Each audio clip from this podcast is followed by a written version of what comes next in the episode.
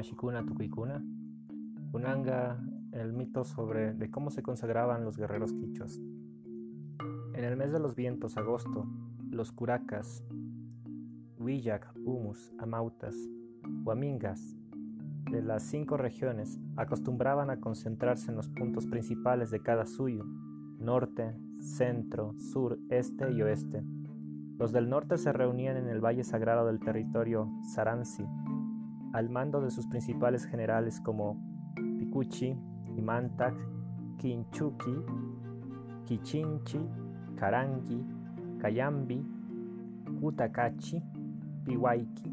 entre otros porque dicho valle estaba rodeado de varios lugares sagrados como la cascada de Picuchi, los lagos Imbacucha, Cuicucha, los cementerios y fortalezas, que rememoraban hazañas y logros de los antepasados. Este encuentro era ansiado por todos, especialmente por los jóvenes,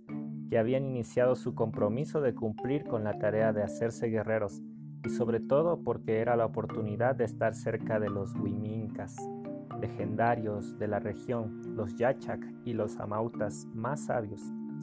Para esta iniciación esperaban que la luna empezara a nacer con el fin de que los representantes de las regiones pudieran emprender sus movilizaciones rumbo a la plaza central del territorio Saransi, a la cual debían llegar antes de la luna llena. Las movilizaciones eran majestuosas porque cada delegación iba acompañada de cientos de danzantes, músicos y teatreros que llenaban de alegría y entusiasmo el trayecto.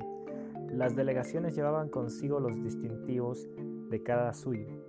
así como los símbolos espirituales guerreristas con los que se identificaban símbolos como el puma, la serpiente, la taruca, el kuntur, el oso, el guamán, las cascadas, entre otros.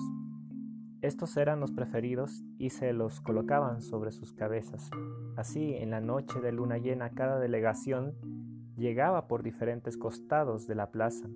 Su llegada era emocionante porque cada delegación hacía sonar con mucha fuerza sus bocinas, los tambores, los instrumentos de viento y las consignas de júbilo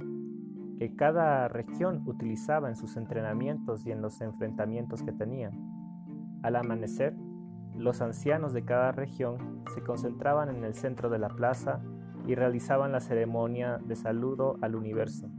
Luego, sentados en círculo,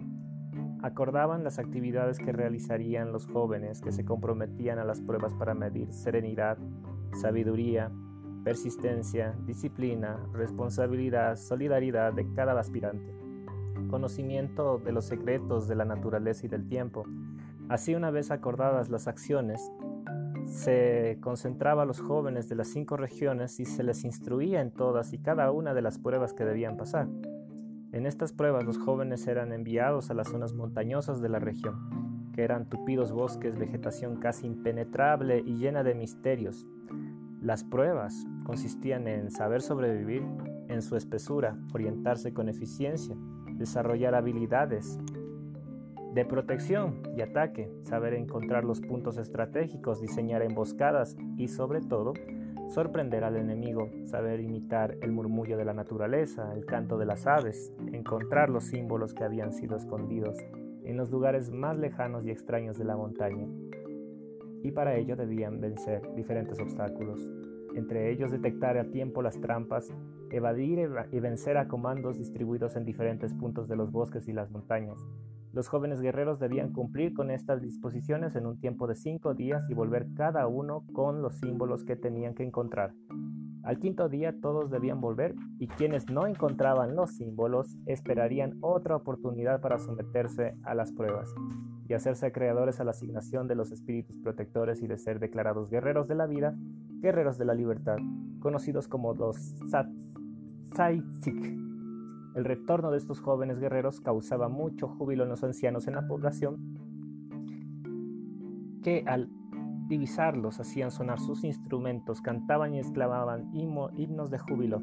Este día los ancianos de las cinco regiones los recibían en el centro de la plaza y los Wiyak Humus consagraban con el culto sagrado al sol, Owaka, Nina a los jóvenes guerreros declarándoles guerreros de la vida, de la paz, de la libertad, de los sueños y de la alegría. Los más ancianos entregaban a los guerreros las insignias y los símbolos, escudos, armas y la protección de los grandes espíritus, como el guamán, el kuntur, el puma, el oso, las cascadas. Luego todos festejaban al ritmo de danzas y cantos guerreros, y así se cumplían con una parte de la formación de los guerreros.